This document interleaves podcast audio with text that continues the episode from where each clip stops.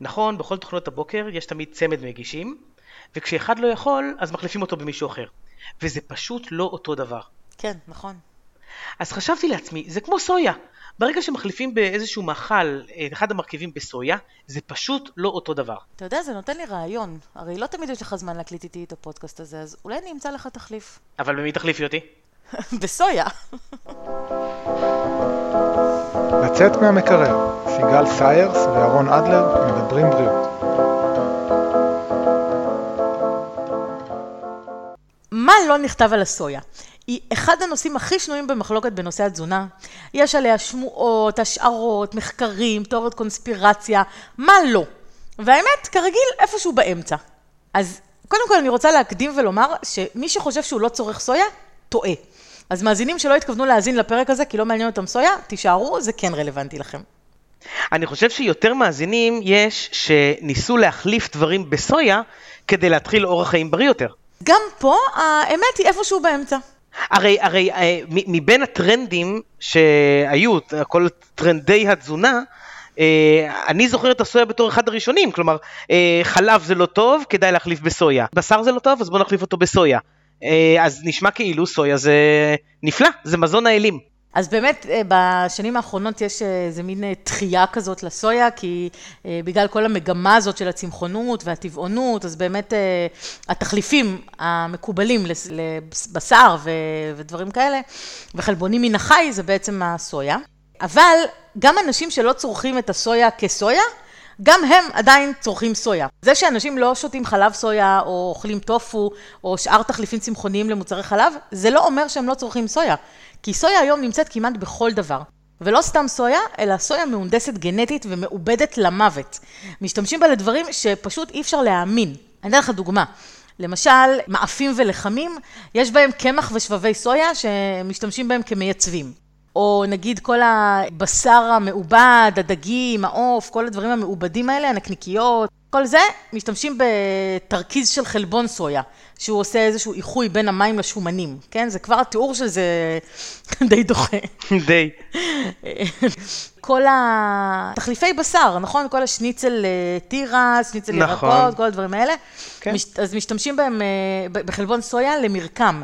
הוא אה, עושה מין דימוי כזה של המרקם של הבשר, והוא מגדיל את העסיסיות. הוא גם מפחית את כמות הבשר, שהוא יקר יותר. בלי להפחית את כמות החלבון.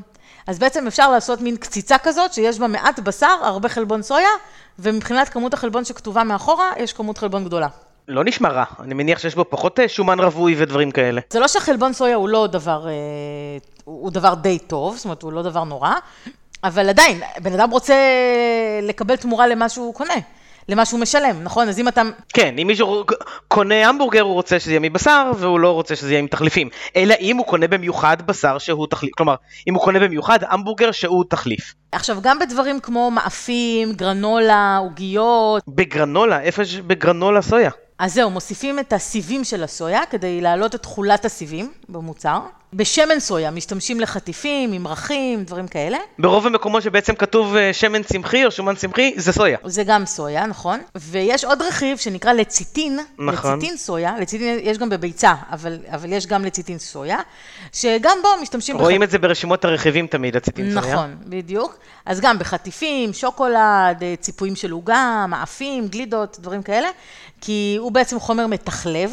מתחלב זה חומר שבעצם קושר אה, פאזה שומנית ופאזה מימית, וככה אפשר לערבב מים ושומן ביחד. כן, ככה עושים את הרטבים.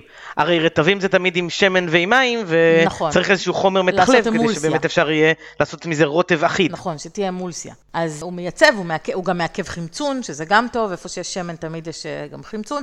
בקיצור, יש סויה כמעט בכל מזון מעובד שאנחנו אוכלים היום. אבל אני חייב להגיד שכל הדברים שאמרת, זה נשמע כאילו לכל דבר מוסיפים ושזה עוזר לו. גם בבשר, גם בגרנולה, גם בכל מקום אחר, מוסיפים בשביל משהו, מוסיפים בשביל סיבים, בשביל תחלוף, בשביל כל מיני דברים. לא נשמע לי משהו רע. א', אני מזכירה לך שהמקור של הסויה זה סויה מהונדסת גנטית, אוקיי? מראש שאנחנו פחות אוהבים. אוקיי, אז דיברנו למה דברים שמונדסים גנטית הם לא בריאים? תזכירי בכמה מילים. זה לא שהם לא בריאים, כמו שאנחנו לא יודעים את ההשפעות שיכולות להיות להם בטווח הארוך, ולכן אנחנו מעדיפים פחות לצרוך אותם, ויותר לצרוך דברים שהם אה, לא מהונדסים גנטית ושהם טבעיים יותר. הגיעו מהטבע, שרוב הסיכויים שהטבע טוב לנו. כן, בהחלט. קודם כל, גם העובדה שמוסיפים ומחליפים ועושים ככה ועושים ככה, זה מראה גם על מידת העיבוד של המזון, אוקיי? ואנחנו פחות בעד מזון מעובד. נכון. אנחנו יותר מעדיפים מזון שהוא טבעי. ולא רק זה, גם אנשים, יש אנשים שרגישים לסויה. אז גם מי שנמנע ממוצרים של סויה, לא תמיד יודע שיש כל מיני רכיבים של סויה בדברים שהוא לא היה חושב שיש רכיבים של סויה. נכון. דרך אגב, אני מאתגרת אותך עד סוף הפרק, לספור כמה פעמים אני אומרת את המילה סויה. וואה. אני אני ש... מבטיח לך שכמות יותר קטנה מאשר מספר מוצרים שיש בהם סויה שאנחנו לא יודעים עליהם. אני חושבת שאני אגיד סויה כל כך הרבה פעמים, שהמילה הזאת פשוט תאבד את המשמעות שלה באיזשהו שלב. סביר להניח. גם ככה סויה איבדה את, ה, את האופי שלה, גם ככה סויה איבדה את המשמעות שלה באיזשהו שלב. כי היא באה בתור אה, תחליף למשהו אחר. אז גם ככה לסויה עצמה אין באמת אה, אופי. טוב, אז uh, האמת שזה לא כזה נכון, כי סויה היא דבר כן חיובי. בוא נגיד שאחרי שניפצנו את המיתוס הזה, של uh, אנשים שחושבים שהם לא אוכלים סויה, אז בוא נראה בכלל מה זאת הסויה הזאת ולמה היא מעוררת כל כך הרבה דיונים. על מה בעצם אנחנו מדברים? אז הסיבה המרכזית שבגללה מדברים על הסויה כל כך הרבה ובודקים אותה כל כך הרבה, שזאת הקטנייה היחידה שמכילה חומרים שנקראים איזופלבונים. והחומרים האלה, אה, יש אנשים שבעצם מקטלגים אותם, שמים אותם בקטגוריה של אה, מה שנקרא פיטואסטרוגנים. פיטואסטרוגנים, אני, אני חושבת שהסברתי את זה לפני כמה פרקים, פיטואסטרוגנים הם בעצם אה, חומרים מן הצומח, פיטו זה, זה צמח, שיש להם איזשהו דמיון במבנה האתר הפעיל שלהם לאסטרוגן האנושי. ואז הם יכולים להיקשר לקולטנים, לרצפטורים של הורמון האסטרוגן, שזה הורמון המין הנשי, גם אצלנו, בתאים שיש עליהם את הקולטן הזה. העובדה שיש את הפיתוכימיקלים האלה, את החומרים האלה, הביאה לחששות שצריכה של סויה עלולה לגרום למחלות ותופעות שקשורות לרמות אסטרוגן גבוהות. כמו סרטן השד. כמו למשל שגברים אה, יגדלו חזה.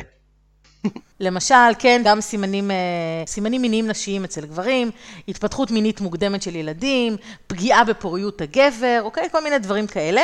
חשבו שאם יש לזה, אם זה דומה להורמון הנשי וזה עושה את אותם דברים, אז זה יכול לגרום לדברים האלה. אבל במקביל, בזכות אותם פיתוכימיקלים ועוד כל מיני נוטריאנטים אחרים שיש בה, הסויה גם נחקרת כמזון שיכול להגן מפני מחלות ותופעות כמו סרטנים הורמונליים, מחלות לב וכלי דם, אוסטאופורוזיס, גלי חום בנשים בגיל המעבר ועוד כל מיני תופעות של גיל המעבר. אז במחקר יש מחקרים שמראים אה, לכאן ולכאן, ובעצם הסיבה שאני ככה רוצה להקדיש את הפרק הזה לסויה, זה בשביל באמת לבדוק מה אומרים במדע ומה מאמינים היום ומה גם כל ארגוני הבריאות בעולם אומרים על הנושא הזה של הסויה. וכל אחד יסיק את המסקנות שלו אחר כך. אני רואה שאין לך מה להגיד, אתה מרותק, ולכן אני אתחיל. אוקיי, okay, בואי נתחיל. בוא נתחיל מקצת רקע שנשמע אינטליגנטי. הסויה הגיעה אלינו מסין, טוענים שהיא כנראה התחילה בסביבות 2500 לפני הספירה, במאה ה-18 הגיעה לאירופה, במאה ה-19 הגיעה לאמריקה, ובמשך שנים סין הייתה יצרנית ויצואנית הסויה העולמית העיקרית. אבל משנות ה-40 יצור הסויה התפתח במהירות בארצות הברית, והיום ארצות הברית היא יצרנית הסויה העולמית הגדולה ביותר, למרבה ההפתעה, ואחריה ברזיל, ארגנטינה וסין. תראה לאיפה סין הגיעה, למקום רביעי. וואה. זה קצת הפוך ממה שקורה בעולם האלקטרוניקה. הברית התחילה בתור אה, המובילה, והיום זה הכיוון הוא סין. נכון. כן, זה הולך ההפך. אבל זה בגלל שבארצות הברית אה, היו כל מיני תמריצים לאנשים לגדל סויה, ולכן היה כדאי להמון המון חקלאים לגדל סויה, ובגלל זה הברית הפכה להיות כל כך ענקית בסויה. אוקיי, אז כן, ת, תמיד אה, יש איזשהו, אה, איזושהי מדיניות ממשלתית מאחורי הדברים האלה. ומה טוב בסויה? אז סויה יש בה בערך 40 אחוז חלבון, יש בה בערך עשרה אחוז פחמימות, עשרה אחוז סיבים תזונתיים, יש בה שמן סויה, כמו שאנחנו יודעים, יש בה אומגה 3, שזה דבר טוב, טוב לנו, יש בה ויטמינים ומינרלים, אה, למשל ויטמין K, ויטמין, אה, ויטמין AB, אה, חומצה פולית, צידן, ברזל, מגנזיום, אשלגן, זרחן, אבץ, מנגן, יש המון המון מינרלים וויטמינים טובים. יש הרבה ברזל, שהוא נמצא בצורת פריטין, שזה, אם אתה זוכר בפרק של בדיקות מעבדה, דיברנו על פריטין. זה מחסני הברזל שלנו בגוף. יפה! כל הכבוד. אני מקשיב. וואו, אני בשוק. אתה מקשיב. נכון. לא רק שאתה מקשיב, אתה זוכר. כן, כן. כל הכבוד, יפה. אז כן, יש לנו אה, את זה גם בסויה, וזה אומר שאנחנו ככה, יש לה זמינות ביולוגית גבוהה. יחסית אלינו, ויש את האיזופלבונים, כמו שאמרתי, שאני מאתגרת אותך לספור כמה פעמים אני אגיד איזופלבונים בפרק הזה, ולהשוות כמה, מה אני אומרת יותר, איזופלבונים או סויה. סבבה. סבבה. אז uh, כמו שאמרנו, האיזופלבונים דומים במבנה האתר הפעיל שלהם לאסטרוגן, ולכן קוראים להם פיטואסטרוגנים, אבל למרות הדמיון בין, ה, בין האיזופלבונים לאסטרוגן, יש כמה הבדלים משמעותיים בקשר שלהם עם הקולטן הזה לאסטרוגן. מסתבר שהאיזופלבונים יכולים להיקשר לקולטנים של האסטרוגן, אבל פחות. הקשר הוא יותר חלש. ויש בעצם שני סוגים של קולטני אסטרוגן, ואני לא סתם אה, מעיקה עליך עם הסברים ביולוגיים, יש לזה מטרה. ישנם שני סוגי קולטני אסטרוגן, אלפא ובטא. עכשיו, הקולטנים האלה מצויים בכל הרקמות בגוף, אבל יש הבדל ביחס ביניהם, בין רקמה לרקמה. למשל, בשד וברחם יש בעיקר קולטנים מסוג אלפא, ובכלי הדם, בעצם ובערמונית, יש בעיקר קולטנים מסוג בטא. עכשיו, מה שמצאו זה שהאיזופלבונים נקשרים חלש לקולטני אלפא, ולעומת זאת הם נקשרים חזק לקולטני בטא. למה זה משמעותי? כי הקולטנים מסוג אלפא הם הקולטנים שמעודדים אה, התרבות של תאים, שזה יכול להיות משהו שגורם לסרטן.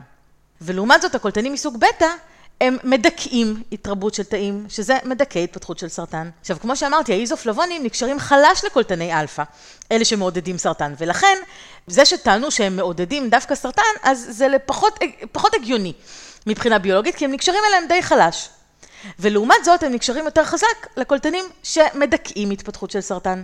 המחקרים גם הראו ש... בתנאים של ריכוז אסטרוגן גבוה, כמו שיש אצל נשים לפני גיל המעבר, האיזופלבונים פועלים כמין התנגדות לאסטרוגן, זאת אומרת כאנטגוניסטים זה נקרא, של אסטרוגן. זאת אומרת, הם נקשרים לקולטנים של האסטרוגן, אבל מפחיתים את הפעילות שלו. בגלל שהם נקשרים חלש יחסית, הם תופסים בעצם את המקום של האסטרוגן האמיתי, לא נותנים לו להיקשר, ומכיוון שהם קשורים חלש, אז הם לא מפעילים את הקולטנים האלה כמו שהאסטרוגן האמיתי מפעיל. ולכן הם בעצם מדכאים את הפעילות של האסטרוגן. לעומת זאת, בריכוז אסטרוגן נמוך, כמו שיש אחרי גיל המעבר, הם פועלים הפוך כאגוניסטים, זאת אומרת, הם מעודדים דווקא את הפעילות של הקולטנים, כי בעצם אין אסטרוגן כמעט uh, טבעי בגוף, ואז במקום שלא ייקשר בכלל אסטרוגן, הם נקשרים, אמנם חלש, אבל לפחות הם עושים משהו. אוקיי, הבנת את ה... איך הם יכולים לפעול גם ככה וגם ככה? אז בשורה התחתונה, זה טוב לנו או רע לנו? רגע, שנייה, יש עוד הרבה מה להגיד על זה. למה שאני אתן לך את התשובה על ההתחלה? אוקיי. אוקיי. אז יש באמת כמה נושאים שבהם יש דיונים לגבי הסויה, אם זה טוב או רע. למשל, אתה יודע שתינוקות יכולים לצרוך תמ"ל או אה, על בסיס חלב פרה או על בסיס סויה, שזה תמ"ל צמחי. נכון. עכשיו, הרבה פעמים אה, אומרים שתמ"ל צמחי אולי זה לא טוב, כי בגלל שיש בסויה את האיזופלבונים האלה, אז יכול להיות שזה גורם להתפתחות מינית מוקדמת, וזה מתחיל כבר בינקות, ו... אה, כל מיני דברים כאלה. תכף אנחנו נדבר על זה, אני רק רוצה להגיד מה השאלה, כאילו מה הבעיה פה. אחר כך בילדות ובהתבגרות, השאלה היא האם יש קשר בין צריכת סויה לבין התפתחות מינית מוקדמת באמת. או למשל בנושא של גברים, האם סויה קשורה לירידה בפוריות של גברים. או נכון, האם סויה קשורה... נכון, כי זה הרי אה, כמו הורמון נשי. בדיוק, נכון, זאת השאלה. או נגיד בגיל המעבר, האם סויה קשורה בתופעות גיל המעבר, האם הצריכה שלה עוזרת או מפריעה באיזושהי, באיזושהי צורה. או לגבי מחלות לב וכלי דם, האם יש קשר בין צריכת סויה לבין הפחתת תחלואה ותמותה? ובסוף, שאלת השאלות, סרטן. אחת ולתמיד, האם סויה קשורה בהתפתחות סרטן, בעיקר סרטן נשי כמובן, כמו סרטן השד וסרטן השחלות? אלה השאלות שבעצם אה, בעיקר, בעיקר אה, יש דיונים עליהם במדע, ובואו נצלול לתוך זה ונלך בסדר כרונולוגי. הורים שנותנים תמ"ל על בסיס סויה לתינוקות שלהם יכולים להירגע. במחקרים שנעשו לא נמצאו הבדלים בין תינוקות שהוזנו בתמ"ל צמחי לבין תינוקות שהוזנו בתמ"ל חלבי.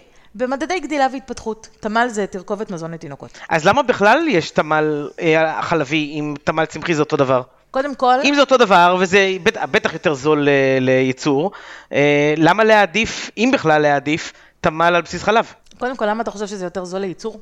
כי אני מניח שסויה, אה, לגדל זה יותר זול מאשר לגדל פרה. אני לא בטוחה שזה יותר זול, ואני אסביר לך גם למה. כדי שתמ"ל צמחי יגיע להיות good enough, זאת אומרת מספיק טוב כדי לספק את הצרכים התזונתיים של התינוק, צריך להוסיף לו את כל אותם דברים שאין בו, ושבחלב רגיל, חלב מן החי נקרא לזה, זה מגיע טבעי. את כל הוויטמינים ומינרלים. דרך אגב, זאת הייתה ההתפתחות של התמ"ל הצמחי, שזה התחיל כבאמת אה, מסויה, ולאט לאט התחילו להוסיף לו עוד כל מיני מינרלים וויטמינים ועוד כל מיני אה, חומרים, כדי שהוא יגיע מבחינת ערך תזונתי למה שיש בתמ"ל שמבוסס על, אה, על חלב מן החי. אבל בואו נתייחס לאיכשהו היום, שהוא באמת good enough, מה שנקרא. יש הבדל בין מספיק טוב לבין אופטימלי, לבין הכי טוב. כי מה שכל האיגודים הבריאותיים אה, ממליצים זה חלב אם. כמובן, במקום ראשון, שהוא המזון האופטימלי עבור התינוק, הוא נועד עבור התינוק. יש בו כל כך הרבה חומרים שאין לנו סיכוי הרי למדע לגלות את כולם ולהצליח לסנטז אותם במעבדה. הרי יש שם נוגדנים ועוד כל מיני חומרים ש, שאי אפשר לעשות אותם. בינתיים, אוקיי? כרגע, עם הטכנולוגיה של היום, אי אפשר לעשות אותם. אז חלב אם מכיל פי אלף יותר חומרים, פי אלף, כן? אולי הרבה יותר אפילו, חומרים, מאשר אה, אפילו החלב שהוא על בסיס, אה, מאשר התמ"ל שהוא על בסיס חלב פרה. אבל אם אי אפשר לתת חלב אם ו- ולא מניקים, אז ההמלצה היא לתת את התמ"ל החלבי, כי עדיין הוא מגיע מהחי, ועדיין יש בו כל מיני דברים שבתמ"ל צמחי אין. שוב, כל מיני אנזימים וכל מיני חומרים חיים שהתינוק צריך.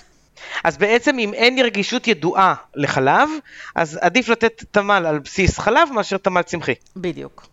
בדיוק. Okay. זאת, אוקיי. זאת בדיוק המסקנה וזאת ההמלצה, שתמ"ל צמחי יינתן רק במקרים שאו יש רגישות לחלב, ללקטוז או אלרגיה או משהו כזה, ובמקרים שיש משפחות, שוב, טבעוניות שלא מוכנות לתת תמ"ל חלבי, ואז אין ברירה, אז תמ"ל צמחי זה good enough. אוקיי? אז זה למשל אה, אחד הדברים. עוד אה, מיתוס שצבר תאוצה בשנים האחרונות הוא שיש קשר בין צריכה של סויה בילדות לבין התפתחות מינית מוקדמת. אז גם פה אני רוצה להרגיע. אוקיי? מחקרים שנערכו באוכלוסיות מערביות, פה באזור שלנו, לא מצאו קשר בין צריכת סויה בגילי הילדות לבין התפתחות מינית מוקדמת. שדרך אגב, יש מחקרים שכן מצביעים על קשר בין צריכת חלבון מהחי לבין התפתחות מינית מוקדמת, אם כבר. אוקיי. Okay. דווקא בסויה יש הרבה רכיבים שכן חיוניים לגדילה, ודווקא ראו שכנראה לצריכה, לצריכה של הסויה בגילי ההתבגרות והילדות, יש אולי יתרון בהפחתת הסיכון לסרטן השד בבגרות. אוקיי, okay, זה לנשים, אבל לגברים? זה לנשים. זה לא יפריע, כל הפיטואסטרוגנים האלה? יפה. אז גם גברים, כמובן, שחייבים להיות חלק מה, מהמיקס הזה, ועלה באמת חשש שצריכה של סויה יכולה לפגוע באיזון ההורמונלי ובפוריות בקרב גברים. נכון, בגלל שיש את ה... השפעה שדומה לאסטרוגן וכל הדברים האלה. אבל נכון. קודם כל גילו במחקרים שלצריכת סויה אין השפעה על הורמוני המין בקרב גברים, על הרמה של הורמוני המין בקרב גברים, ואומנם יש רק מעט מחקרים שבדקו את אה, הקשר בין צריכת סויה ואיכות הזרע. חלק מהם ראו שאין קשר בין צריכת סויה ואיכות הזרע, וחלק מצאו שכן יש איזשהו קשר וכן אה, צריכה של סויה, אה, או שהייתה ירידה באיכות הזרע בקרב מי שצרך אה, כמות גדולה של סויה, אבל איכות הזרע היא לא, היא מנבא מאוד חלש לפוריות. אז גם אם יש ירידה באיכות הזרע, זה לא אומר שזה פוגע בפוריות. כן, אבל אני יכול להגיד לך מנקודת מבט גברית, שאם יש סיכוי ואם uh, זה משפיע, אז הסיכוי שגברים יצרכו את זה הוא קטן. לא, אבל מה שאני אומרת זה שראו במחקרים שגם גברים שהייתה להם איכות זרע נמוכה יותר, זה לא פגע בפוריות שלהם יחסית לקבוצת הביקורת. זאת אומרת, גם אנשים עם איכות זרע נמוכה וגם אנשים עם איכות זרע גבוהה, עדיין הפוריות הייתה אותו דבר. אני לא בטוח שגבר ששמע את השורה הראשונה, שהוא יאמין לזה, ש, שזה פוגע באיכות הזרע, הקשיב לשורה השנייה שזה עדיין לא פגע בפוריות. נכון, אבל אם הוא היה מקשיב לשורה שלפני השורה הראשונה, שחלק מהמחקרים הראו שאין קשר, אז אתה יודע, צריך לעשות עוד, עוד מחקרים פשוט. אין מספיק מחקרים, אבל uh, כרגע פשוט אין, uh, אין הוכחות. זאת אומרת, אין הוכחות לא לפה ולא לפה, אז אי אפשר להסיק מסקנה. אני כבר הסקתי מסקנה, בסוף הפרק את תתני לי רשימה של כל הדברים שיש לי סויה בהם בבית, כדי שאני אוכל להוציא אותם מהבית. למה, אתה מתכנן להביא עוד ילדים? אה, את יודעת, אלוהים יודע מה העתיד צופן. נראה. never, never say never. never say never. אוקיי, אה, סבבה. עכשיו יש את הנושא של אה, מחלות לב וכלי דם, שזה משהו מאוד מאוד מאוד משמעותי, כי מחלות לב וכלי דם זה גורם התמותה המוביל בעולם. ככה שזה מאוד מאוד חשוב, וסויה ומוצריה, מה שנקרא, זכו לתשומת לב מחקרית מאוד גדולה, בגלל שזה יכול לעזור בשיפור גורמי הסיכון למחלות לב וכלי דם. כבר בשנת 1997, ה-FDA באופן אה, מאוד יוצא דופן, אישר טיעון בריאותי לגבי הסויה, שזה לא קורה בדרך כלל, לפיו 25 גרם חלבון סויה שנצרך כחלק מתזונה דלת שומן רווי וכולסטרול, עשוי להפחית את הסיכון למחלות לב וכלי דם על ידי הורדת רמות הכולסטרול בדם. זה די יוצא דופן, כי לא הרבה פעמים קורה שנותנים לאיזשהו מזון מין אה, אסמכתה כזאת, אה, שיש לו איזשהו, איזושהי השפעה אה, בריאותית על, על מחלות. אז ככה שלגבי הסויה זה דבר מאוד מאוד יוצא דופן, ודרך אגב גם לגבי שיבולת שועל יש את זה. שכבר דיברנו עליה, שהיא סוג נכון. של סופר פוד. אה, עכשיו, הטיעון הזה הוא עדיין בתוקף, ובמהלך השנים עוד ועוד גופים יצאו בהצהרות דומות. אה, גופים כמו ה-American Heart Association וה-UK אה, Joint Health Claims, יש כל מיני ארגונים כאלה, ולמרות כל זה, עדיין זה נושא שנוי במחלוקת. זאת אומרת, עדיין יש חלק מהארגונים או הרשויות בעולם שטוענים שאין מספיק ראיות שחלבון סויה יכול לסייע בהורדת כולסטרול. אוקיי? וגם יש מין מחלוקת כזאת, האם איזופלבונים הם אה, בעצמם איזושהי השפעה מיטיבה. אוקיי? זאת אומרת, יש עוד הרבה מה לחקור בעניין, אבל המסקנה מכל העובדות האלה, זה שבגדול טוענים שכן לחלבון סויה יש השפעה מיטיבה על פרופיל שומני הדם, וכנראה שיש השפעה גדולה יותר בצריכת סויה כמזון שלם. זאת אומרת, לא רק לקחת תוסף של אה, איזופלבונים, אלא עדיף לצרוך את הסויה בשלמותה. שלמותה זה אדמה? זה הפולים, לאכול את הפולים כמו שהם. למשל. אוקיי, בלי התרמיל. למשל. הכוונה לא רק תוסף שמכיל איזשהו חומר פעיל מתוך הסויה, אלא לקחת את הסויה השלמה. דרך, דרך אגב, okay. זה אוקיי. נכון לרוב צמחי המרפא. זאת אומרת שאנחנו תמיד אומרים שעדיף לצרוך אותם כמו שהם, מהטבע, ולא שמבודדים את הרכיב הפעיל. אה, כי ברגע שאנחנו צורכים אותם בשלמותם, אז בעצם כל הרכיבים שיש בתוכם, יש ביניהם איזשהו אפקט סינרגיסטי, שאנחנו לא יודעים תמיד מהו. זאת אומרת, נגיד, אתן לך דוגמה, קורקום. כולם יודעים שקורקום זה מדהים, נכון, אנטי-דלקתי, נכון. ובריא, ופה ושם. אבל באו חברות ואמרו, סבבה, אנחנו גילינו שהחומר הפעיל בקורקום זה קורקומין. והגדילו לעשות וראו שקורקומין נספג יותר טוב בנוכחות חומר שנקרא פיפרין, שזה מפלפל שחור. ואז עשו תוספים שמכילים קורקומין פלוס פיפרין, יופי, נהיה טרנד, והתחילו לתת את החומר, את התוספים האלה עם זה. עכשיו, אני לא אומרת שזה רע, התוספים האלה סבבה, הם עובדים, הכל בסדר, אבל אין מה להשוות למי שמשתמש בשורש קורקום שלם. ברור, לצרוך אותו בצורה הטבעית שלו, לגמרי. זהו, בצורה הטבעית שלו, כי הוא מכיל כל כך הרבה רכיבים אחרים, נכון. שאנחנו לא יודעים את כל האפקט הסינרגיסטי שזה עושה.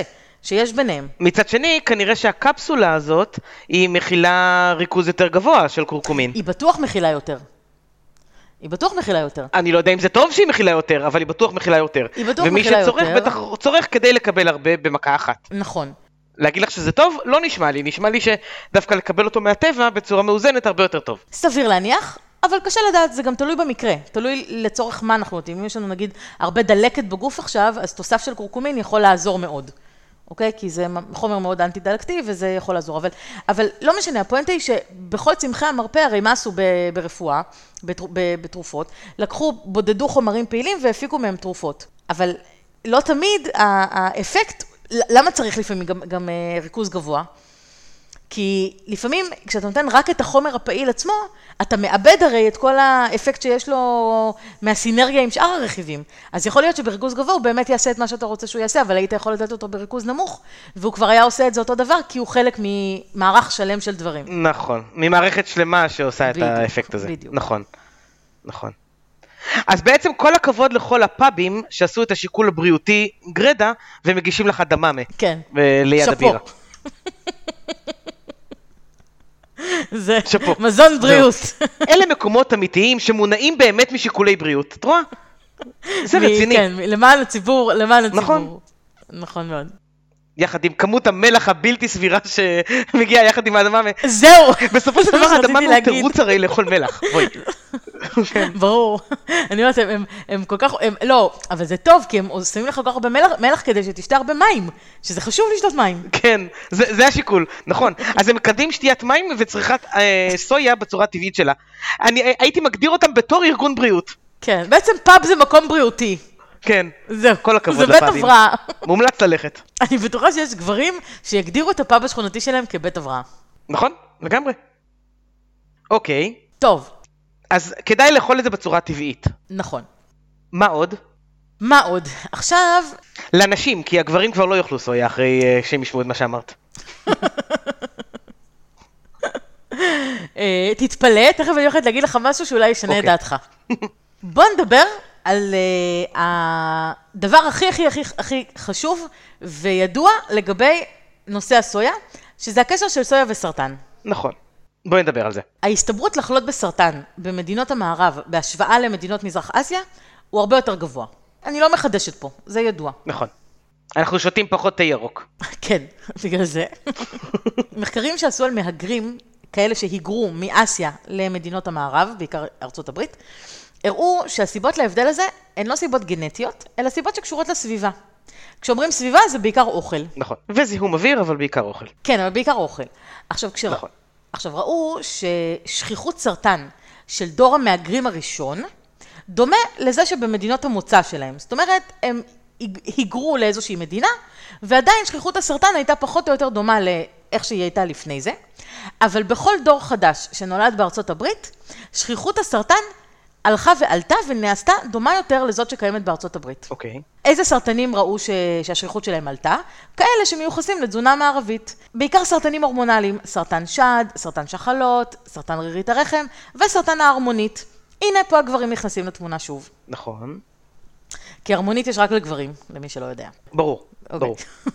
דרך אגב, אני חושבת שכולם יודעים ורואים שכל מיני אה, אנשים שהמוצא שלהם הוא אסיאתי, והם אה, כבר הפכו להיות אמריקאים, אנחנו רואים שהם לא נראים אותו דבר. אוקיי, אנחנו יודעים שכשאנחנו מסתכלים על סינים ויפנים ו- ואנשים מן המזרח שהם אה, במדינות המקור שלהם, אז הם רזים ובריאים. נכון. וברגע שאנחנו מסתכלים על אנשים מאותו מוצא שהם גרים בארצות הברית, אנחנו רואים שהם ממש נכון. לא. אוקיי? הם ממש הם הרבה לא. יותר הם דומים לתרבות המערבית אפילו שהם גרים בה. נכון. ממש, אפילו אוביס, שזה ממש השמנת יתר אה, משמעותית. אז זאת אחת הסיבות. ו... אבל מה שחשבו, שאחד ההבדלים אה, בין התזונה המערבית לתזונה האסייתית, זה צריכת הסויה. אוקיי? שבאסיה צורכים הרבה סויה, לעומת במערב, וזה הוביל לאיזושהי היפותזה שצריכת סויה יכולה להגן מפני סרטנים הורמונליים. סרטנים הורמונליים, הכוונה סרטנים שמושפעים מאסטרוגן. אוקיי. אוקיי? מהורמוני, הורמון מין, נשי, הורמון מין נשי אצל אישה, או, אה, אה, או טסטוסטרון, שזה הורמון המין הגברי. בסויה יש כל מיני חומרים שידועים כנוגדי סרטן. יש מעכבי פרוטאזות, פרוטאזות זה, חלבון, זה אנזימים שמפרקים חלבון. יש פיטטים, שזה חומצה פיטית, מה שדיברנו בפרק כן. הקודם. שמונעים את הספיגת מינרלים. נכון, אבל בסדר, יש להם עוד תפקידים. זה תופעת לוואי שלהם, אבל יש להם עוד תפקידים אוקיי. שהם עושים. יש את הספונינים, שגם עליהם דיברנו בפרק הקודם, נכון? כי סויה זה קטנייה, אז כל מה שאמרנו על הקטניות, זה נכון גם נכון. לגבי הסויה. ויש את האיזופלבונים. עכשיו, האיזופלבונים זוכים לתשומת הלב המחקרית הכי גדולה, בגלל שסויה זה המזון היחיד שמספק אותם בכמות מאוד משמעותית מבחינה תזונתית. אז התלבשו על הסויה. מחקרים שעשו על בעלי חיים מצאו שיש השפעה מיטיבה של איזופלבונים על כל מיני תהליכי מפתח בהתהוות סרטן, כמו למשל תיקון של DNA, אה, השראה של אפופטוזיס, אפופטוזיס זה אה, התאבדות של התא או מוות תאי מתוכנת, שזאת בעצם, אה, זה בעצם איזשהו תהליך שאתה מוציא לפועל כשיש בו איזושהי בעיה שהיא בעיה מאוד משמעותית שיכולה לגרום לנזק לאורגניזם השלם. זאת אומרת, זה מה שנקרא uh, one for all. לגמרי. כן, ממש. אם אתה... אתה מתאבד כדי לא להזיק לגוף? כן, כן. זה אחד הנושאים. הכי חמים במדע. אה, גם אני, דרך אגב, בתזה שלי, בתואר השני בביולוגיה, זה היה אחד הנושאים שחקרתי. התזה שלי הייתה כל מיני אה, הבדלים בתגובה של אה, תאים סרטניים לעומת תאים רגילים לתנאים של סטרס. ואחת התגובות שבאמת בדקתי זה תגובה של אפופטוזיס, שממש ראיתי איך תאים סרטניים, יש בהם הרבה פחות אפופטוזיס מאשר בתאים רגילים. זאת אומרת, תאים סרטניים הרבה פחות אה, מתאבדים למען הכלל מאשר תאים רגילים. ולכן בעצם הם ממשיכים להתחלק ולהתרבות, ו- ונוצר הגידול הזה. חולרות, בקיצור. ממש, ממש. כן, אוקיי. לא היו מגייסים אותם לצה"ל. ממש. ממש. אה, אוקיי, אז ועוד תהליכים כמו אה, עיכוב של התרבות תאים, עיכוב של אנגיוגנזה, שזה אה, יצירה של כלי דם, שזה גם, אנגיוגנזה זה בעצם תהליך מאוד חשוב בהתפתחות של סרטן, כי ברגע שגידול מתחיל לגדול והוא נעשה ככה עם יותר נפח ויותר תאים, אז צריך יותר כלי דם שיובילו אליו חמצן ומזון, כדי שהוא יוכל לשגשג. זאת אומרת, אנחנו נכון. לא צריכים שזה יקרה מבחינת טובת האורגניזם, אבל הגידול עצמו, זה מה שהוא עושה. הוא יוצר לעצמו עוד כלי דם בסביבה, כן. כדי שהוא יוכל להתרבות. אז זה עוד תהליך של האיזופלבונים, יש השפעה עליו. עיכוב היווצרות של גרורות, ותכונה של אה, אנטי-אוקסידנטיות, זאת אומרת, אה, גם נוגד חמצון. אני מתחיל לחשוב שסויה זה בסדר. אה, אתה רואה? כן. אמרתי לך ששווה לך להמשיך להקשיב. יפה. עכשיו נחזור רגע לנשים. סרטן שד הוא גורם התמותה השני אחרי סרטן ריאות בקרב נשים במערב. סרטן ריאות זה הסרטן הכי קטלני. אוקיי. חשיפה מוגברת לאסטרוגן לאורך החיים היא בין גורמי הסיכון לסרטן שד. מה זה אומר? ככל שאישה נחשפת במהלך החיים שלה יותר פעמים להפרשה של אסטרוגן, ככה עולה הסיכוי שלה לחלות בסרטן שד. למשל, איך אישה תיחשף לאסטרוגן יותר?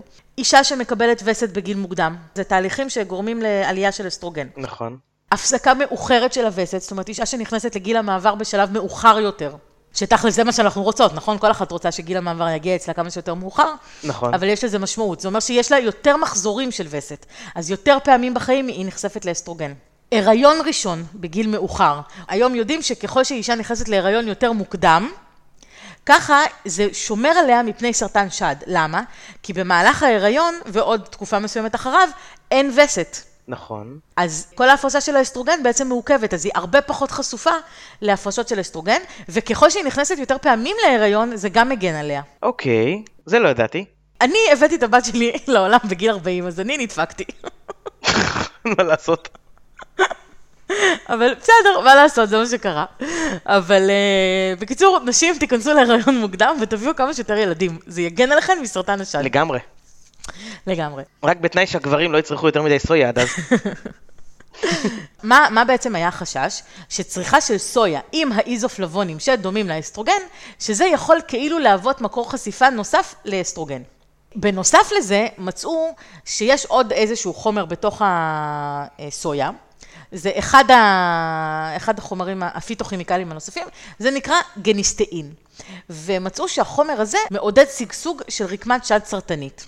לעומת זאת, מחקרים אחרים מצאו שלגניסטאין דווקא יש אפקט שמדכא גידול. העובדה שיש אי עקביות כזאת, זה מה שמהווה את הסיבה העיקרית למחלוקת בנוגע לצריכת סויה וסרטן השד. אוקיי? בגלל זה לא, אין איזו מסקנה חד משמעית, אבל צריך לזכור שהרלוונטיות של מחקרים של, על בעלי חיים היא די מוטלת בספק, כי יש הבדלים מאוד משמעותיים במטאבוליזם של האיזופלבונים בין בני אדם למכרסמים. אוקיי? אז זה לא אחד לאחד, אי אפשר להסיק מזה מסקנות לחלוטין, זה נותן איזשהו כיוון, אבל עדיין צריך לחקור את זה, ועובדה שלא לא גילו שום דבר כזה במחקרים על בני אדם.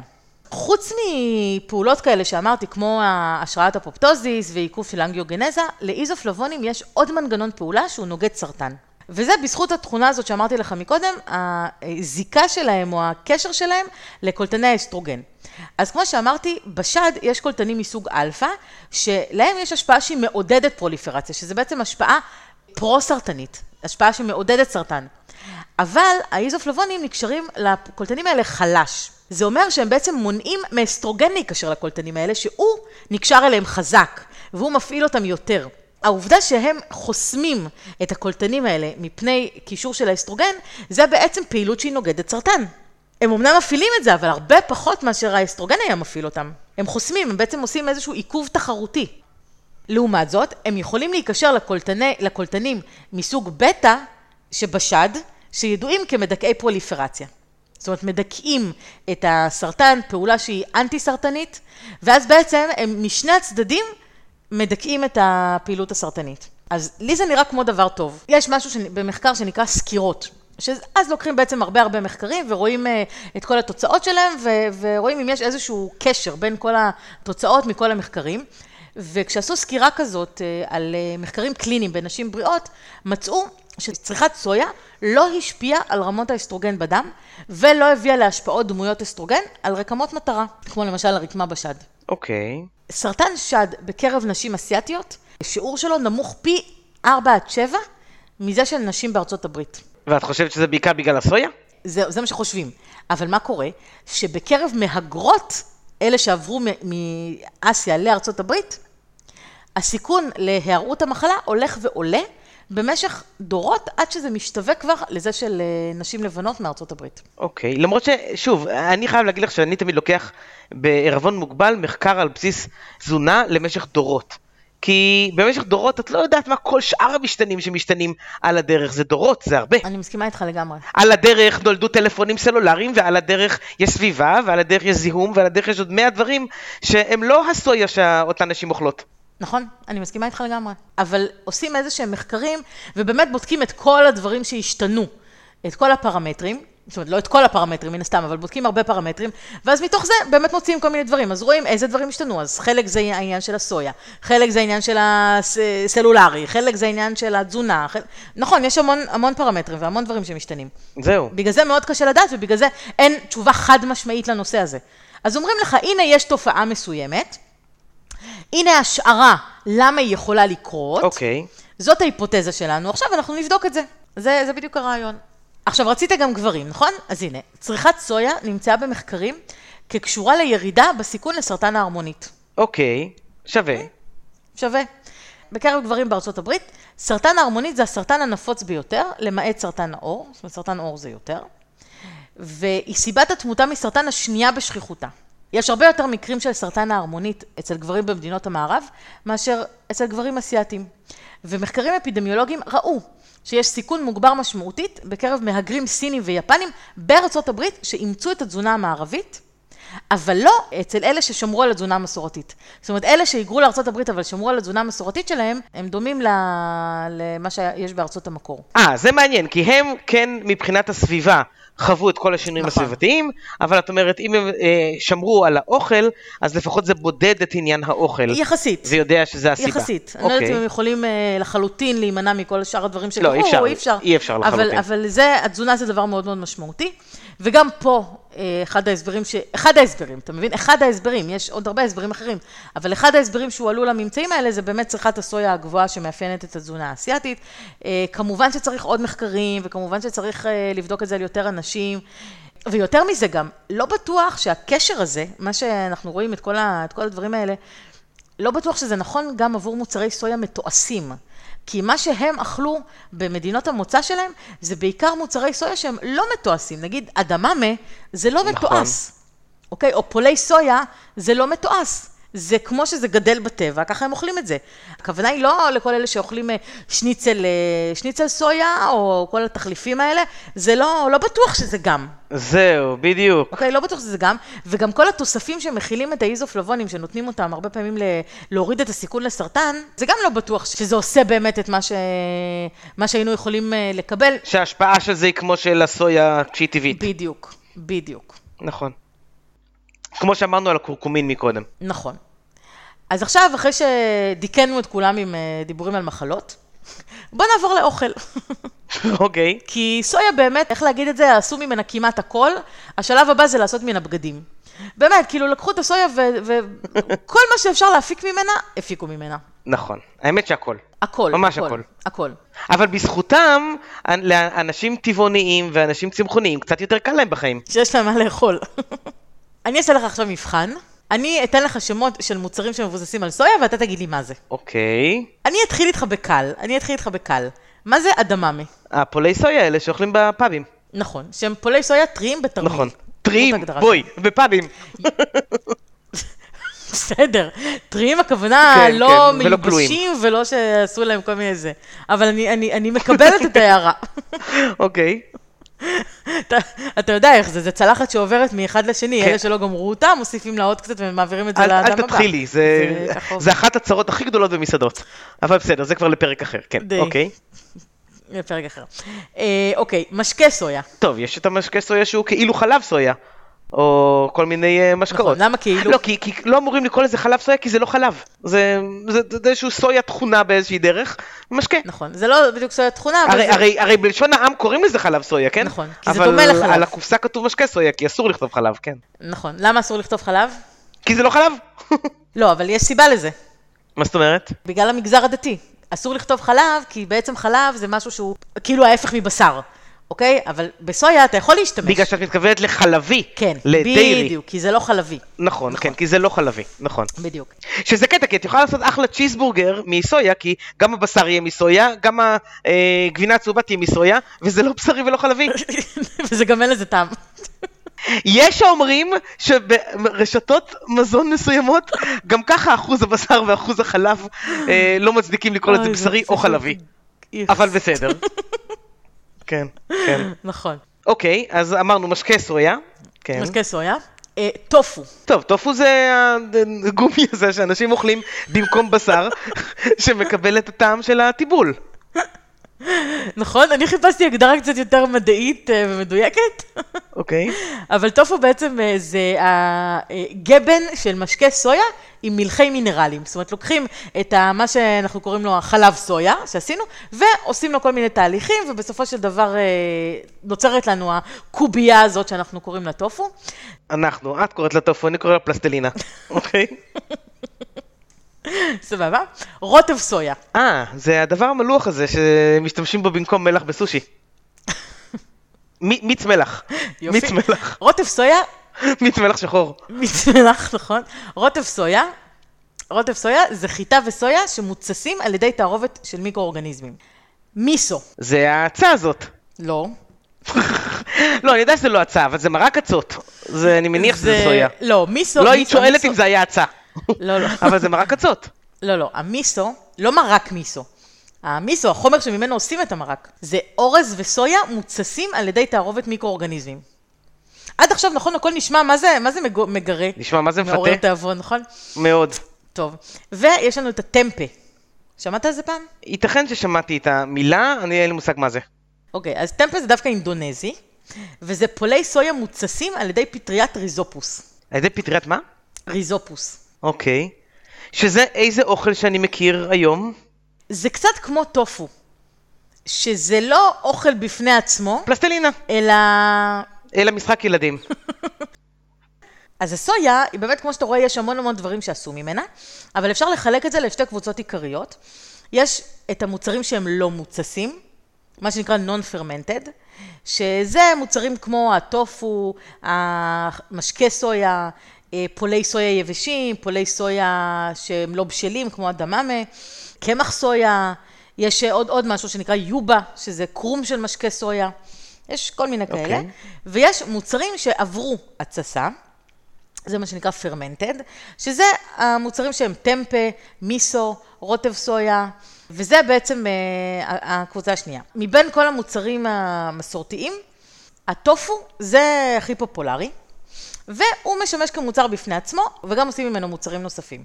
כמו שאתה יודע, הטופו יש לו צבע לבן וכל מיני מרקמים, הוא יכול להיות אה, רך, הוא יכול להיות קשה, כמו גבינות. אוקיי. הרבה פעמים גם משתמשים בו לייצור של גבינות טבעוניות. בארץ אתה יכול להשיג טופו שטוב לכמה שבועות. אה, באמת? זה כזה, כזה קצר? זה נקרא קצר, מה שאני מנסה להגיד לך זה שבאסיה עושים לך טופו טרי כל יום. אתה לא קונה טופו מאתמול, אתה קונה כל יום טופו טרי. באמת?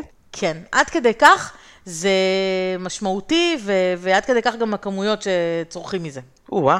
אז זה הטופו, וכמו שאתה יודע, מטופו אפשר לעשות הרבה דברים, כי הוא סופג את הטעמים שסביבו, אז באמת הוא משמש לה- להמון דברים. אני תפסתי מזה חומר גלם, שאת יודעת, את שמה בארון. חומר גלם אה, או למה? במקרר, תלוי אה, איזה זה, ואת משתמשת בו מתי שאת צריכה. עם איזה רגל של שולחן אה, מתנדנדת, או צריך לסתום איזה חור בקיר, כזה. כן, או הילדים רוצים לשחק עם בצק משחק, את נותנת להם טופו. לא, סתם, אבל אני אומר, את רוצה עכשיו להשתמש בקוביית טופו לשוארמה מטופו, אז את אה, חותכת לחתיכות אה, ו- ומקפיצה אותן כשוארמה. אה, כזה, נכון. כחומר גלם כזה. נכון, זה, גוש. זה הרבה מה שעושים, זה גוש, אבל אפשר גם להכין ממנו גבינות, אפשר לטחון אותו. זאת אומרת, לטחון אותו במג'י מיקס יחד עם כל מיני עזבי טיבול, עם כל מיני אה, אגוזים, עם אה, כל מיני ירקות, ולעשות מזה גבינות בטעמים שונים. אוקיי. אוקיי? זה גם אופציה עם אה, טופו רך. אז בקיצור, אפשר לעשות איתו הרבה דברים. אני אישית לא מתה על טופו. אני, קשה לי קצת עם דברים שמגיעים בלי טעם. כן, זהו. הוא כאילו מקבל את הטעם של מה שאת אה, מוסיפה לו. הוא לא משהו עם טעם משלו. נכון, אבל ה- הקונספט הזה של משהו שהוא פשוט מקבל את הטעם של הסביבה, לא יודעת, אני לא, לא, לא פחות מתחברת. אני גם לא מתחבר לזה. כן, לא מתחברת נכון, לזה. גם אני.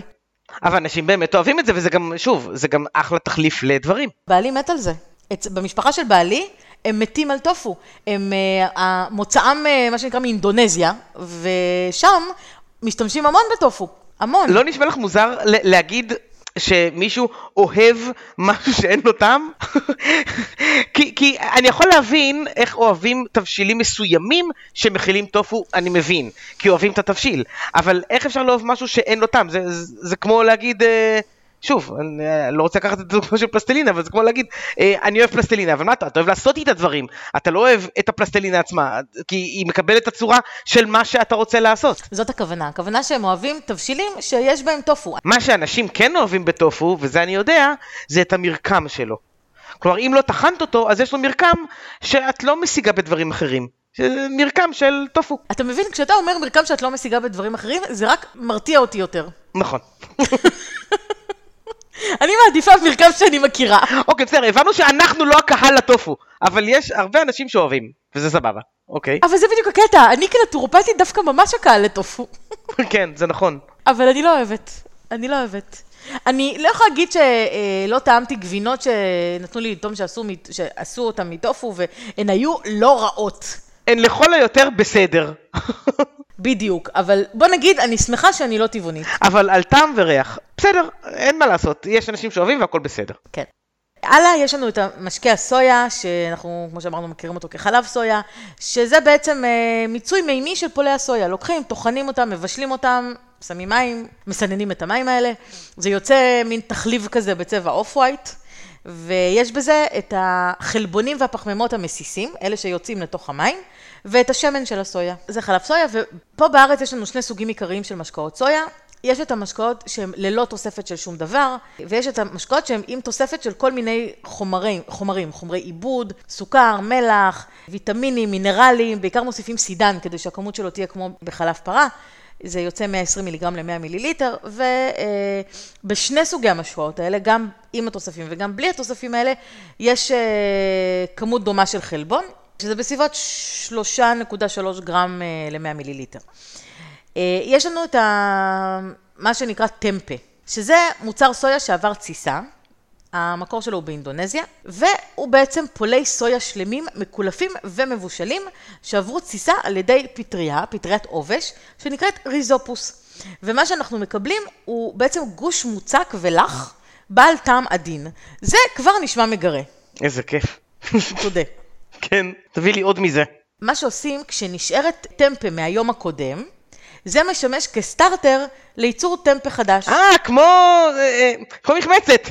נכון, נכון. אתה זוכר שהיינו מכינים אה, הרבה לחם שאור? כן, וואי, זה היה טעים. כן, לא יודעת למה הפסקתי עם זה. כי זה מאוד קשה להכנה. זה בכלל לא קשה להכנה. הייתי עושה את זה כבר בעיניים עצומות. מאוד מאוד קשה. בכלל לא קשה. כן, ולהטפיח את זה וזה בלאגן. זה ממש לא קשה. וגם לא טעים, אז אולי אתה לא ידעת איך לעשות את זה. כי זה יוצא חמוץ. הלחם יוצא חמוץ. מה, זה טעים מאוד. הלוואי שהייתי אוהב, הלוואי שהייתי אוהב. ירון, אני חושבת שאתה לא עשית את זה כמו שצריך. אני אלמד אותך. סבבה. אני אלמד אותך. כמה הבטחות אני מקבל פה בפודקאסט ביום ביום שנממש את כל ההבטחות האלה. אני אהיה? בשלן בריא.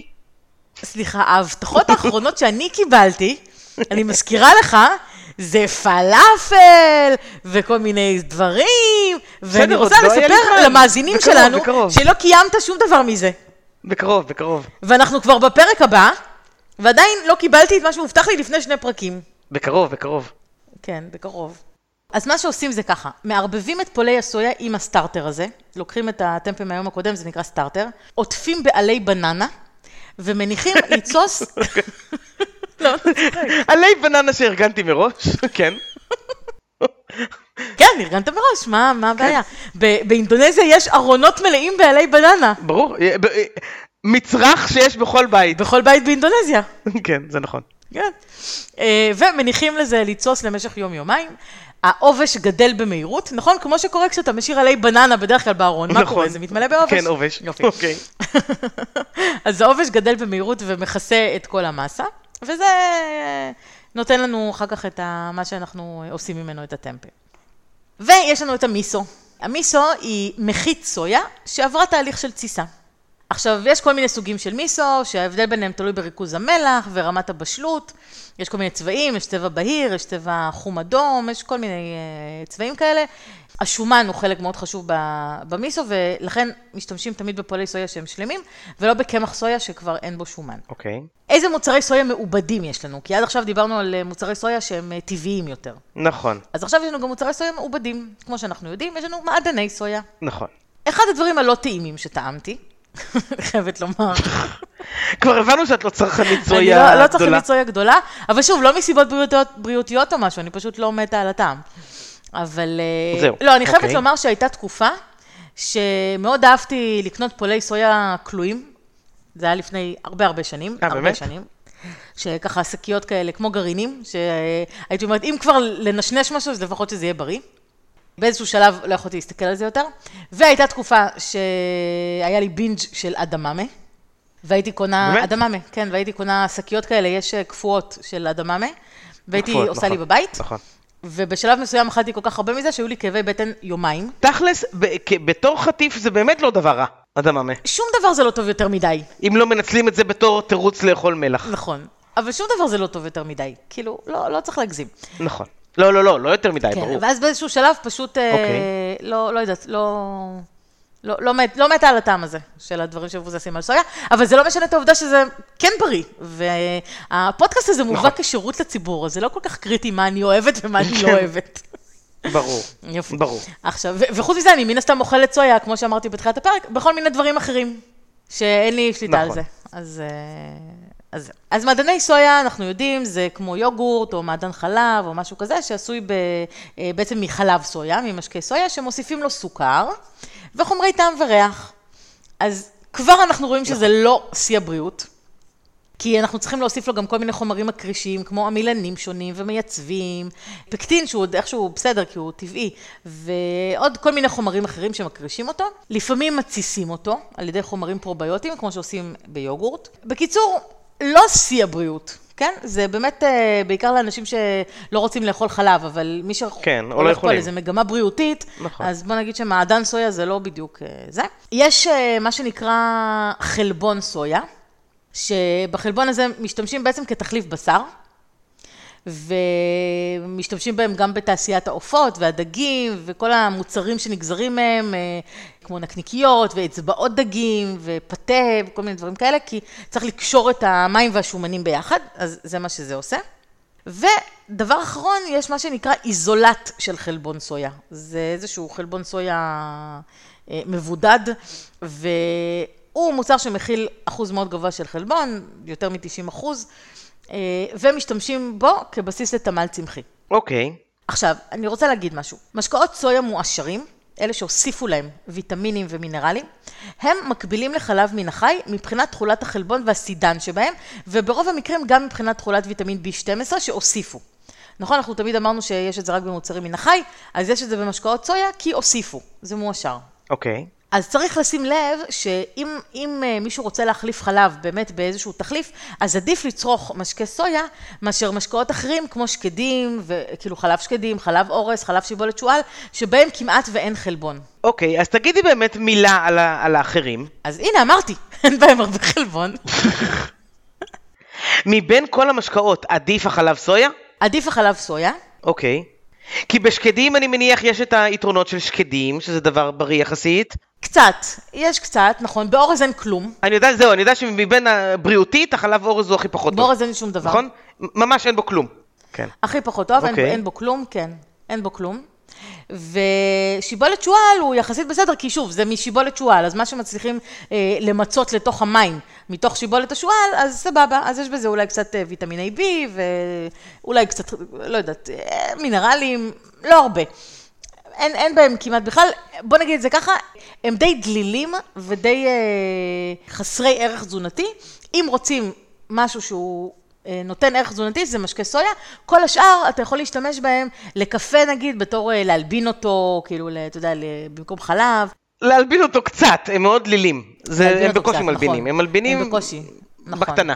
או לשייקים למשל, אני משתמשת בחלב שקדים לשייקים. זוכרת שאמרתי לך בפרק שדיברנו על פירות וירקות, שלפעמים אני מכינה שייקים אה, עם חלב, למרות שחלב מפריע לספיגת אה, ברזל ועוד מינרלים, כי אני אומרת, נכון. בסדר, אני רוצה שזה יהיה טעים במרקם חלבי, ואת הוויטמינים אני אקבל ממקום אחר. אבל לפעמים אני כן עושה את השיקול הזה, ואני מעדיפה לא להשתמש בחלב, כדי שכן נקבל את המינרלים, ואז בעצם אני משתמשת בחלב שקדים, שכמעט ואין לו טעם. ודרך אגב, מאוד מאוד חשוב עם כל המשקאות התחליפיים האלה, לשים לב שהם ללא תוספת סוכר. זה מאוד מאוד חשוב. כי אם אתה שותה משקה סויה שהוא עם תוספת סוכר, אז לא עשית בזה כלום. אז אתה עושה נזק. דרך אגב, הוא קצת יותר יקר, לא ברור לי למה. כי הוא בלי תוספת סוכר. יש בו פחות, אבל הוא עולה יותר. זה תמיד ככה, ברגע, שאפשר, ברגע שמישהו מתחיל לשמור על הבריאות, אפשר לסחוט ממנו עוד כסף. גם מנת חזה עוף ואורז במסעדות, מאיזושהי סיבה לא ברורה, עולה יותר ולא פחות ממנות אחרות שהן אה, אה תעשייתיות ודוחות. כן. אני לא שמתי לב לזה. כן, כן, יש, מסעדות בדרך כלל מציעות מנות בריאות במחיר גבוה יותר, כן, מאשר, במחיר, מאשר מנות רגילות, נכון. נכון, נכון, כי זה קהל אה, שבעצם הוא, הוא, הוא כאילו יותר חשוב לו, אז הוא יהיה מוכן לשלם יותר. הוא מראש קהל שמוכן לשלם עוד על אה, אוכל, אז אם מוכנים לשלם, למה לא לקחת? א', ב' בשיווק. כן, זה נקרא willingness to pay. זה כמה הקהל שלך מוכן נכון. לשלם עבור השירות. אז אם הם מוכנים, אז uh, יש מי שייקח. נכון. עכשיו, לגבי גבינה על בסיס סויה, מה שדיברנו מקודם, דווקא זה, בניגוד למשקה סויה, שהוא די דומה לחלב, מבחינת תכולת חלבון וסידן, לא מבחינת דברים אחרים, אז תחליפי גבינה על בסיס סויה הם די דלים בחלבון, ברוב המקרים הם דווקא עתירים בשומן, והם עברו עיבוד אינטנסיבי, זה מה שאנחנו קוראים מזון אולטרה מעובד.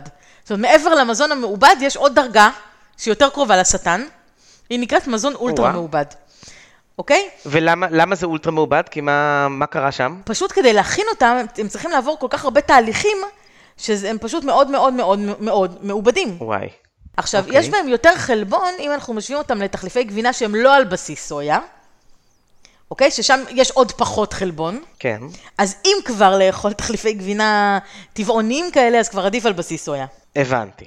אוקיי, זה עם חייבת. כאילו, למקרה שהיית אוכל okay. אוקיי. כבר איזושהי גבינה טבעונית, מה שאני לא רואה את זה קורה. לא, לא אני, אבל שוב, יש קהל טבעונים גדול. שאוכל נכון. גבינות, אוהב את הגבינות האלה, אז את אומרת, אם כבר, אז עדיף דווקא את זה שהוא מסויה ולא מדברים אחרים. נכון. אוקיי. עוד כמה חומרים חשובים שיש בסויה, וככה הזכרנו אותם בקטנה בהתחלה, יש חומרים שנקראים פיטוסטרולים, שפיטוסטרולים זה תרכובות שדומות לכולסטרול, שמגיעות מהצמח, נכון? אמרנו, פיטו זה צמח. נכון. עכשיו, התרכובות האלה בעצם מורידות את ספיגת הכולסטרול, שאנחנו מקבלים מהמזון הרגיל, ועל ידי זה הן מורידות את רמת הכולסטרול בדם. עכשיו, איך הן עושות את זה? כמו שהאיזופלבונים מתחרים עם האסטרוגן על האתרים אה, של הקישור, על הרצפטורים, אז אותו דבר, הפיטוסטרולים מתחרים עם הכולסטרול על האתרי קישור לכולסטרול, על הקולטנים לכולסטרול. ואז בעצם, בתחרות, הם גורמים לפחות כולסטרול להיספג, והם נספגים במקום. עכשיו, הם לא גורמים למה שכולסטרול עושה. למה שכולסטרול גורם. ולכן הם בעצם אה, גורמים לפחות ספיגה של כולסטרול, ואם רוצים להגביר את ההשפעה שלהם, אז אנחנו נצרוך אותם יחד עם עוד חומרים טובים אחרים, כמו שמן זית, שמן דגים, סיבים תזונתיים ודברים כאלה שהם אה, עוד יותר עוזרים לאפקט הזה של הורדת הכולסטרול. והדבר האחרון, וחשוב לא פחות, זה שחלבון סויה הוא מאוד אלרגני. ובגלל שסויה נמצאת בהמון המון המון מזונות, גם כאלה שאנחנו לא מצפים, הנה אני אתן לך דוגמה למזונות שאנחנו לא מצפים שיהיה בהם סויה, כמו לחם, כמו שימורי טונה, כמו המבורגר, כמו נקניקיות, אנחנו לא מצפים שיהיה בזה סויה. בטח לא בבשר, נכון? אם אנחנו אוכלים בשר, אז ברור שאין בזה סויה, אבל יש. וזה מאוד בעייתי לאנשים שרגישים או אלרגיים לסויה. אוקיי? זה אחד החומרים הכי הכי הכי אלרגניים. ולכן אנחנו צריכים לשים לב, לפעמים אנחנו לא יודעים, זה הרבה פעמים אנשים שבאים אליי עם כל מיני תופעות והם לא יודעים למה, אז uh, צריך להתחיל לברר איזה חומרים אלרגניים הם אוכלים. אני חושבת שדיברנו על זה כבר באחד הפרקים הקודמים. עדיף לצרוך מזונות סויה שהם מוצסים, כמו מיסו וטמפה, הם נחשבים יחסית מזונות בריאים, שוב, כשהם במסגרת של תזונה מגוונת, כן, שאנחנו אוכלים הכל, לא תזונה שמבוססת רק על סויה. ועדיף להימנע ממזונות כמו חלב סויה, תחליפי סויה, אה, תחליפים שהם למוצרי חלב, תחליפים שהם למוצרי בשר, כל החלבונים האלה המבודדים, כל החלבונים המפורקים, כל, הד... כל הדברים האלה המעובדים, בקיצור. עדיף לא, עדיף לאכול את המוצרים המוצסים. זהו, עד כאן על הסויה. ותמיד לזכור בחישוב היומי של הסויה, שגם יש עוד סויה בדברים שאנחנו לא יודעים. אז uh, להניח שמראש אנחנו צורכים קצת יותר ממה שאנחנו חושבים, כי יש את זה בעוד דברים שלא ידענו עליהם. נכון, שזה דרך אגב גם נכון לגבי חיטה. גם חיטה נכון. נמצאת בכל כך הרבה מזונות אחרים שאנחנו לא יודעים אפילו שאנחנו אוכלים חיטה. גם אלה שנמנעים מחיטה, אוכלים אותה, מקבלים אותה בכל מיני אה, דברים אחרים. אז אה, כן, לפעמים אנחנו לא יודעים, אז שוב, זה לא שאנחנו גם אה, נוכל לדעת כל כך בקלות, אפשר לקרוא את מה שכתוב ה... ברשימת הרכיבים, הרבה פעמים כן אפשר לראות שכתוב שם איזשהו רכיב מסויה. אם כתוב לציטין, יש מצב שזה מסויה, זה יכול להיות גם מביצה, אבל רוב הסיכויים שזה מסויה. אז uh, תדעו שכדאי מאוד לקרוא, אולי נעשה איזה פרק על uh, הטבלאות האלה מאחורה, ונלמד אנשים איך לקרוא את הטבלה הזאת. מגניב. כן. אז הפעם הרווחת, ובגלל מה שהסברת על הסויה, אני לא אבקש ממך להכין לי דברים מסויה. מעולה. אה, גם לא הייתי מכינה. זהו, רק הפעם, אבל אחרי שיהיו לי עוד 16 ילדים, וכבר זה לא יהיה בכיוון, וכבר לא יהיה בתוכנית, אז את תכיני לי ארוחת סויה. אהה. אה, סבבה. אבל לא מטופו. לא מטופו. אז נתראה בפעם הבאה? נתראה, אולי. יאללה ביי. אני אחשוב על זה. ביי. אין באמור בפרק משום ייעוץ או המלצה רפואית כלשהם, והמידע אינו בא להחליף בדיקה וייעוץ אישי על ידי רופא, מטפל מוסמך או טיפול תרופתי.